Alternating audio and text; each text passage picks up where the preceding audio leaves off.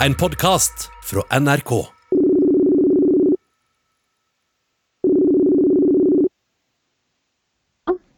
Hallo? Hei, der er du. Vent litt. Jeg, skal prøve å koble. jeg fikk ikke hodetelefonen til å funke. Jeg må bare prøve en gang til. Jeg, jeg, bare hold linja. Hallo, hører du meg nå? Jeg hører deg. Hører du meg? Hva er det som skjer nå? Ja, så sitter vi her da, alle sammen, eh, hver for oss, og prøver som best vi kan å forstå oss på hva det egentlig er som skjer i verden. Ja, jeg sitter her på jobb på Marienlyst, og jeg har jo ikke sett noen av dere på veldig lenge. Ja, jeg prøver å komme meg hjem fra USA, jeg. Og jeg sitter på hjemmekontor i karantene og prøver å finne ut av hva som egentlig foregår der ute. Det som foregår er jo en verdenskrig mot dette viruset. Men hvordan går det egentlig med den? Og hvem er det egentlig vi kan stole på? Hvem er det som forteller sannheten? Og jobber vi sammen nå, eller slåss vi hver for oss og i verste fall også mot hverandre? Du hører på Krig og fred? Med Halvard Sandberg? Tove Bjørgaas? Og Tore Moland. Ok, Tove, hvor er du i verden? Jeg sitter på flyplassen i Amsterdam. Jeg har klart å komme meg hit fra Washington. Nå er det tidlig om morgenen, og jeg skal gå om bord i et fly til Oslo nå om en halvannen times tid. Tove, du var i USA for å skrive bok, du, men du har rett og slett måttet bestemme deg for å reise hjem? Ja, jeg har hatt en eh, ganske fæle dag, egentlig. det føles litt som å være i en Nesten som det er en slags krig. Eh, jeg måtte bestemme meg for om jeg skulle bli der borte og kanskje måtte være der i, i mange måneder, eller reise hjem. Eh, og, og vinduet for å reise hjem virket som det egentlig ble mindre og mindre i løpet av bare et par dager. Så det har egentlig vært en utrolig, rett og slett en veldig, veldig stor eh, påkjenning, syns jeg, da. Det er ikke alle som er like gode på usikkerhet. Det er ikke alle, det er ikke alle som er like gode til å takle usikkerhet, og jeg er kanskje en av dem som, eh, ja, som trenger informasjon. Og det er veldig vanskelig å få akkurat nå. Ja, Føler du at du kan stole på den informasjonen vi får nå, eller hvor forskjellig er den informasjonen man får i USA og i Europa og i Norge? Det er vel det at alle forsøker å kjempe for sine her, eh, og så eh, velger de litt ulike strategier. Eh, men vi har fått en sånn en slags frykt for hverandre. Nå sitter jeg her på en stor sånn eh, avgangshall på, eh, på, på Schiphol i Amsterdam. Det er ikke veldig mange mennesker her, men alle sitter liksom i hver sin ende av en sånn sofa. ikke sant? Du vil liksom være fire meter unna de andre menneskene. Alle de andre menneskene er liksom plutselig blitt farlige. Plutselig det som er helt normalt å kjøpe en kaffe på Starbucks eller å, ta imot et glass med juice fra flyvertinna, er plutselig blitt Skal jeg gjøre det? Er det farlig? Hun tok på det glasset. Er det greit? Ikke sant? Det er helt merkelig, altså. Så jeg tror det er liksom litt av det som har skjedd med responsen til, til eh, de ulike landene. Og i Norge så, så vil vi også liksom, vil vi stenge verden ute, for verden brakte dette til oss. Jeg husker For ti år siden så, så jeg Tove Bjørgaas i Mexico City med ansiktsmaske og tenkte for en overdrivelse. Ti år senere så samfarer jeg Hornbach og Bauhaus i jakt på de samme maskene. Alt jeg ser er tomme hyller. Jeg kjøper noen dyre spraylakkeringsmasker, slalåmbriller, latekshansker og en heldekkende vernedress.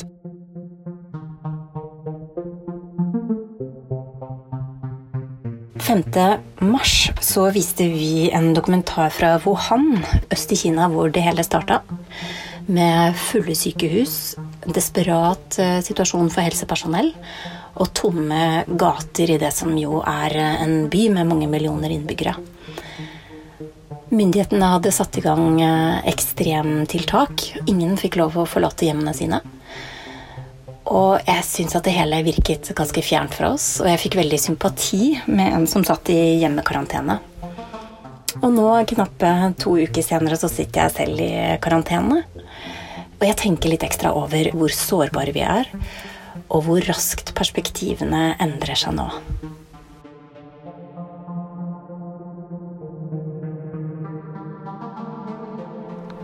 Men du Halvard, det er litt rart å tenke på, men det er da bare så vidt over en måned siden vi satt her og tulla om at for ti år siden så lo du av meg da jeg fikk svineinfluensa.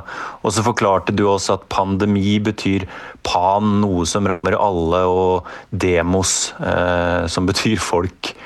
Hva, hva var det som skjedde? Akkurat da så tror jeg at vi her i Vesten, hvis jeg kan bruke det ordet, hadde en idé om at eh, det kanskje går bra i Kina. For det kunne nesten se litt sånn ut. Og det betydde at det ville gå bra hos oss. Men så plutselig så får vi en annen virkelighet. altså løpet av veldig kort tid så rulla den der virkeligheten at jo, det kommer hit, det kommer virkelig hit, og det ser skikkelig ille ut. Og det for meg så var det der Når de meldte fra Nord-Italia at nå har vi Vi vet egentlig ikke hvordan dette startet her, og vi har mange tilfeller. Da blei jeg sånn mørk i sinnet. Da blei jeg virkelig, virkelig mørk i sinnet. Ja, Var det da du skjønte hvor stort det her kom til å bli? Ja, det var da det gikk over fra å være en intellektuell øvelse til noe som eh, koblet inn følelsene. Og da er jo klisjeen det at vi kan drive og dekke konflikter og bråk i alle andre land, og vi tar det ikke så veldig alvorlig, og vi er profesjonelle, og så plutselig så Jeg trodde aldri at det kunne skje her, vi er jo så stille og rolig. Altså den, den greia der vi hører fra andre. I Libanon har alle innbyggere fått beskjed om å holde seg innendørs og bare gå ut i nødsfall. Første dagen våknet jeg opp til noe uvant. Det tok litt tid før jeg skjønte hva det var, men det var stillheten jeg la merke til. Ingen tuting fra gaten, ingen rusing av motorer, ingen høye rop. Plutselig kunne jeg høre fuglekvitre. Har det alltid vært så mange fugler i denne byen?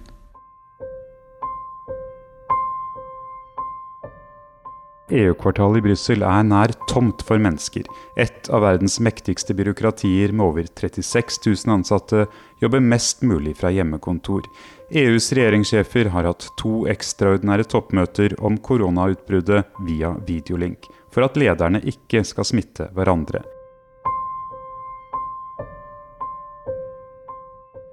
Stengte skoler, permitteringer, krisepakker, virus, sykdom og død. Det skjer her, i Norge, like utenfor huset der jeg bor. Men vet du hva jeg tenker mest på? Det er hvis koronaviruset for alvor sprer seg i andre deler av verden. Til trange flyktningleire, til lutfattige storbyer i Afrika og Asia. til jordhytter og blikkskur, til land der det knapt finnes et helsevesen. Hvor mange overlever det? Men du kan jo ganske mye om åssen sykdommer sprer seg, Halvard. Veit vi nå hvordan det kom hit? Det vet vi ikke, hvordan de første tilfellene kom til Norge. Det vet ikke. Vi vet helt sikkert, eller nesten 100 sikkert, til tross for at det er en del konspirasjonsteorier, om at det oppsto en eller annen gang i fjor høst i Hubei-provinsen i, eh, i Kina. Og så begynte det å boble noe veldig i begynnelsen av desember. Uh, og så ble det en fullstendig krise i begynnelsen av januar, da i denne byen Wuhan. Her så var det jo krisen i Nord-Italia, og det er der de aller fleste utenlandske smittetilfellene til Norge har kommet fra. da. Og så har det kommet fra Sveits, også fra Tyrol, Østerrike kommet svømmet inn. Men nå begynner det å bli så mye innenlands smitte i Norge at det egentlig Det signalet fra utlandet det begynner å forsvinne i havet av smittetilfeller. Men hvis vi prøver å holde fast på det globale, da, som er eh, krig og fred sin greie, hvor er det verst nå? Hvor er det det ikke har blitt eh, så ille ennå? Verst er det i Europa, og det er fordi at vi ligger kanskje 10-15 dager før USA. Men eh, alle driver jo og peker på USA nå. Hva er det vi ikke hører om oppi denne situasjonen, da? Afrika. Ikke så veldig mye. Ikke noe om Russland. Og så, hva skjer egentlig i Iran? For der eh, må det skje veldig mye, og så kommer det noen tall ut. Og så får vi rapporter om at det er ikke ekte tall. Eh, blir, tallene blir undertrykt. Så hva som egentlig foregår i Iran, det For der er de i denne stormperioden nå. Hvor helsevesenet er i ferd med å klappe sammen. Er det noen steder der det har begynt å gå bra, eller i hvert fall bedre? Det går bra, det har jeg gjort i Kina. Det er liksom den der eh, historien som har gått nå i noen uh, uker. Jeg, lagde en krig og fred om det. Kina greide det, greier de vestlige demokratiene å gjøre det samme? Og hvor svaret fra de folkene jeg hadde med meg da, var jo nei. Fordi at vi vil ikke gjøre det samme som Kina. Vi vil ikke uh, innføre portforbud. Eh, vi vil ikke tvinge folk inn i eh, feberklinikker. Vi vil ikke sveise igjen inngangsdørene til husene der folk har nekta å forholde seg til karantenereglene. Vi, vi vil ikke gjøre sånne ting. Og svaret fra ekspertene som jeg snakker med, sier at ja, da, da vil eh, smitten fortsette å spre seg i, i landet. For litt over 14 dager siden så sa president Trump at koronaviruset var demokratenes nye svindel, og at det kom til å forsvinne av seg selv. Men nå kan det være at uh, alvoret synker inn i begge leirer, for uh, senest uh, på mandag så sa Trump at nå har man ikke lenger kontroll over utviklingen av dette virusutbruddet, til tross for at han dagen før sa at han hadde sterk kontroll. Også britenes storstue, puben, er folketom. Keep calm and carry on. Først nå forstår jeg hva dette går ut på. Naboene mine organiserer seg i grupper for å hjelpe de gamle og sårbare med innkjøp. Fabrikkene gjør om produksjonen. Det er ikke Spitfire som skal lages, men respiratorer. Dugnadsånden funker, bortsett fra når det gjelder doruller. Jeg har selv tatt meg selv i å kjøre rundt etter det nye gullet, jeg fikk bare lov til å kjøpe to ruller. Det som har gjort eh, sterkt inntrykk på meg her i Cape Town, det er å se hvordan velstående mennesker tømmer hyllene for antibac, mens de som bor i de fattige townshipene utenfor byen, ikke engang har nok vann til å vaske seg i. Uh, klokka er 09.01. Vi er sånn cirka alle mann alle, tror jeg. Uh, Tore, hører du meg? Jeg hører deg, Sigurd. Fint. Så har vi U-juryen så har vi noen korrespondenter. Det er stort sett de vi er i dag. Uh, Halvard er avgitt til direktesendingene våre. Uh, Eller så har vi på utefronten, så hadde vi jo Roger uh, ute på en kjøretur fra Berlin. Sånn her har det blitt i utenriksredaksjonen i NRK om dagen. Vi har rett og slett morgenmøtene våre via videotelefon. Vi sitter sammen i et stort datarom, men vi sitter egentlig hver for oss. Ja, du fikk satt i gang noe helt historisk, du Tore. Jeg tror jeg egentlig aldri har gjort det du fikk til på noen morgenmøter i uh, NRKs historie. Ja, vi, eh, jeg tok rett og slett initiativ til å synge bursdagssangen eh, for en kollega som hadde bursdag den eh, dagen. Men da var det jo folk som satt på videotelefoner rundt omkring over hele kloden. Så spesielt koordinert eller spesielt vakkert var det jo ikke, for å si det sånn. Men det var velment, da. Det var også veldig bra, fordi at vi hadde jo hatt det første morgenmøtet etter at den nye virkeligheten kom inn over oss. og vi hadde jo vært så alvorlige, alle var gravalvorlige, og vi hadde jo den ene ille historien å fortelle, alle sammen, og alle var liksom sånn Hva skjer nå, hvordan skal dette gå? Og, i bakhodet mitt så var det sånn Hvordan skal det gå med meg personlig? Og så kommer det da en sånn luring. Og nå skal vi synge bursdagssangen, og så, så blei det liksom litt enklere å fortsette den der vanskelige dagen.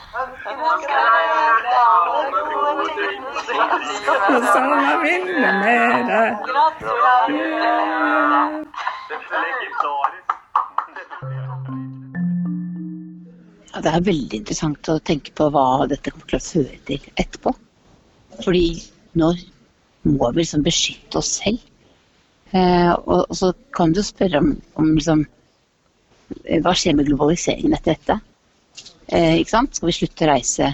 Skal alle liksom hva, hva, skal vi gjøre i sommer? Skal vi, skal bare, vi skal kanskje bare være hjemme. Ikke sant?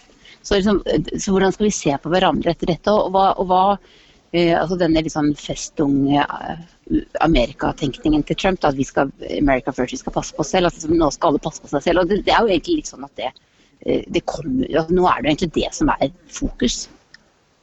Hva slags vurderinger gjorde du deg, Tove, da du måtte bestemme om du skulle bli i USA eller prøve å komme deg hjem til Norge nå? Nei, for meg var det helt fryktelig. Fordi jeg har en sønn med en amerikansk far, eh, og han går på skole der borte nå. Så jeg eh, måtte bestemme meg for om han skulle bli med meg tilbake. Eller, eh, eller jeg ville egentlig ha han tilbake, men faren hans ville ikke sende han til Europa nå. Så det endte med at, at jeg valgte å la han være igjen, fordi jeg tenkte at det var bedre for han nå. å være i ro der uten store forstyrrelser. Og så får vi eh, håpe at det går et fly tilbake om, om noen uker, men det vet jeg jo ikke. Så jeg har hatt en ekstremt eh, krevende eh, situasjon de siste dagene. Eh, men, men, det er mange som står oppe i mange forskjellige dilemmaer, og, og, og, og det får en til å tenke på og det til når det fortsatt ikke går an å fly lenger. Sånn det ikke går an å reise. Ja, for du har jo på sett og vis et liv på to kontinenter, du, og så havner du i en situasjon der du må velge det ene kontinentet eller det andre, rett og slett? Ja, og nå måtte, følte jeg velge om jeg skulle være i USA kanskje veldig lenge, eller om jeg skulle ta sjansen på at dette kommer til å gi seg ganske fort. Så jeg har egentlig laget et slags scenario i hodet mitt som er litt sånn Nå håper jeg liksom at det skal gå et og annet fly. Jeg har eh, jeg kommer inn igjen i USA fordi jeg har er mor til en amerikansk statsborger, i hvert fall sånn som regelen er nå.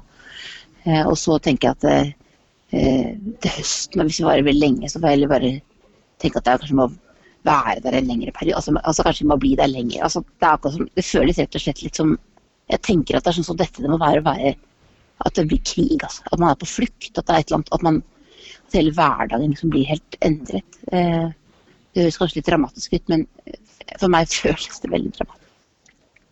Har du funnet noe som på en måte kan gi oss håp i denne situasjonen? Er det noe du klamrer deg fast til på en måte?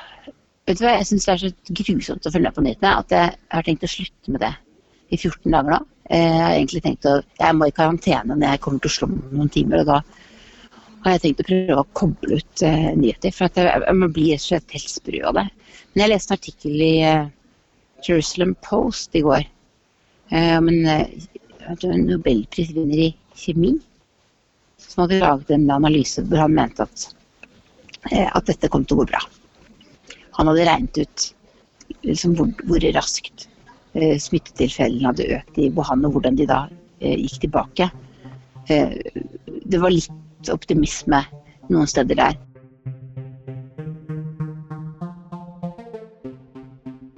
Et lite håp herfra eh, fikk jeg i hvert fall for noen dager siden da jeg besøkte Johns Hopkins eh, Hospital, som jo er et av verdens eh, beste sykehus. Der har de stor tro på den antivirale medisinen Remdesivir, som de nå vil teste ut på pasienter. Jeg har bodd og jobbet mange år i USA, så jeg tenker og er bekymret for venner og kjente og ukjente der. Eh, men jeg har et ørlite håp om at denne epidemien eh, kan få flere amerikanere til å tenke at eh, de må gjøre noe for å endre helsevesenet der og gjøre det tilgjengelig for alle. Jeg har tenkt mye på den mentale reisen vi gjør i disse dager. Hvordan det var greit å klemme og gå på kino for noen dager siden, og hvor ugreit det er her i Norge nå. Da jeg ringte og tryglet sønnen min om å avbryte reisen sin i Latin-Amerika for noen dager siden, så var det først helt uaktuelt for han, for det der var jo verden normal og korona fortsatt først og fremst et ølmerke. Men så ble heldigvis hjemreise en akseptabel løsning ganske fort, før grenser stengte og fly slutta å fly. Så nå har jeg han vel hjemme, selv om det er i, i karantene. Men du Halvard, er det litt sånn hvert land for seg sjøl nå, eller? Altså hvert land sine løsninger, og sjøl syns jeg jo det er litt creepy når liksom grensene stenges og det står soldater på flyplassen og vi sier at nå er det bare nordmenn som slipper inn og sånn. Er det, er det eh, isolasjonismen som eh, vinner fram nå? Ja, det er jo det, men det er ikke fordi at de andre menneskene der ute er farlige, eller at de vil oss vondt, eller vi er bedre enn dem. Det er jo ikke det som ligger bak dette her. Dette er jo det at vi skal ha minst mulig bevegelse av mennesker. Og hvis du stenger en flyplass, så vet du at det ikke kommer noen fly. Stenger en havn, så kommer ikke en båt. Er ikke konsertlokalet åpent, så er det ingen som går på konsert. Er kinoen stengt, er det ikke noen som går der. Er restauranten stengt, så er det ingen som går der. Du skal prøve Overalt, i alle landene nå, så prøver de da å stanse bevegelse av mennesker. Det er det som er ideen bak det. Og da er det med å stenge grenser, det er liksom sånn det er jo ikke verre det enn at vi har stengt kinoen. Det er akkurat samme tiltaket. Det er ingen som skal bevege seg noe særlig uansett nå. Så, og det er for fellesskapet beste. Det er ikke det at vi nordmenn nå plutselig, eller svenskene nå, ikke får lov til å bevege på seg fordi at de har feil politisk tankegang. Ja, Det er ikke det, eller at de har feil hudfarge eller noe sånt noe som det. Det er fordi at vi alle skal beskytte alle. Det er tankegangen. Så jeg syns ikke det med grensestengning at det er så fælt, det nå. Det er ikke, det er, jeg ser ikke som isolasjonisme og de der gamle spøkelsene fra, øh, fra tilbake av. Hvis du skal se etter noe som gir deg håp, da, hva er det? At dette er den siste pandemien. Det er det, altså. Det er den siste pandemien, Tore. Det er jeg helt sikker på. Vi, det som gir meg håp, er hvor utrolig raskt vi fikk eh, genomet, altså arvestoffet til dette viruset, ut til verden og delt blant forskere. Det gikk kjempefort.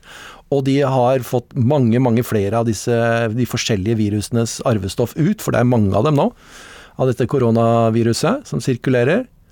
Og forskerne er nå i stand til å forstå så mye om virus og hvordan det agerer, hvordan det virker på kroppen vår, at jeg er sikker på at neste gang, om ti pluss år, når det kommer en pandemi, så vil vi ha en fullstendig flott, eh, aktiv, god, sikker vaksine som blir spytta ut av fire millioner legekontorer innen timer. Der tror jeg vi beveger oss. Det gir meg håp om at dette er siste gangen at eh, noen av oss kommer til å gjennomleve noe sånt som dette.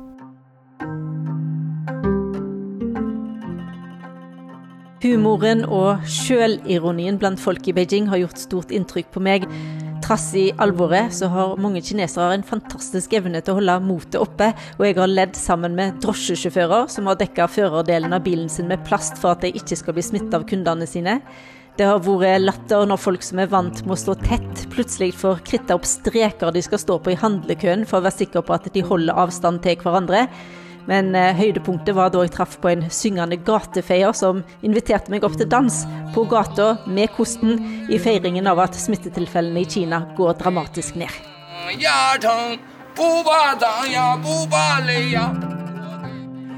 Nå har jeg eh, akkurat eh, trykket på knappen og avbestilt en familietur sørover. Jeg har alltid sett på reising som en vaksine mot eh, fordommer, og nå tvinges vi alle til å isolere oss, stenge oss eh, inne mer og mer og ta noen skritt tilbake i globaliseringen. Det er som å sette seg på en langdistanseflygning. Den første timen pleier å gå greit, men eh, så kommer uventet turbulens. Jeg skal i alle fall love reiselivsbransjen at her vi er nå, på rullebanen, klar for avgang, så skal jeg bruke penger på dere så snart dette er over.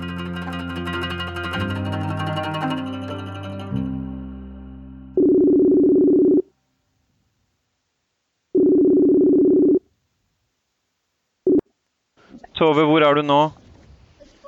Nå er jeg på Nå går jeg gjennom eh, taxfree-en på, på Gardermoen. det er da en nordmann veit at han er trygt hjemme igjen? ja. Det er noen som handler, da. Men jeg føler kanskje at det ikke er helt riktig akkurat i dag. Hva tenker du? Jeg tenker i hvert fall at det er veldig bra at du er eh, trygt hjemme igjen. Hvordan føles det? Nei, det er litt godt å komme til Norge og vite at man har liksom lege og sånne ting. Men uh, utrolig spesielt å komme ut av flyet, altså. Vi ble altså møtt uh, Først er det soldater uh, Og når du kommer deg rulletrappa til passslusa, så henger det norske flagg. Men vi måtte ikke fylle ut noen sånne, jeg tror vi måtte fylle ut sånn slags sertifikat på at vi skulle i, i karantene. Det måtte vi ikke. Men du har fått beskjed om at du skal i karantene? Ja, det har jeg. Og så har jeg på rett over bagasjebåndet som jeg har kommet til nå, så henger det altså Det er en svart TV-skjerm, og der står det liksom Utenlandske reisende som kommer til Oslo lufthavn må snu og reise hjem så snart som mulig. Norske passasjerer skal hjem umiddelbart og være i 14 dagers hjemmekarantene. Så hva gjør du nå, da? Jeg tenker sånn, hvis vi, hvis vi, bare er inne nå i 14 dager, hvis alle bare kan være inne, vær så snill, vær inne. Så, eh, så eh, kanskje vi klarer det. Dette er jo en helt sånn ekstrem utfordring for oss. Men som en venn av meg skrev på Facebook, besteforeldrene mine ble bedt om å, å dra i krigen og kjempe for landet sitt. Du ble bedt om å sitte i sofaen din og se på Netflix i 14 dager. Kan du være så snill å gjøre det? Det klarer du vel? Dette klarer vi. Kom deg hjem, Tove. Det skal jeg gjøre. Du har hørt Krig og fred, en podkast fra NRK Urix. Lydregien var ved Lisbeth Sellreite.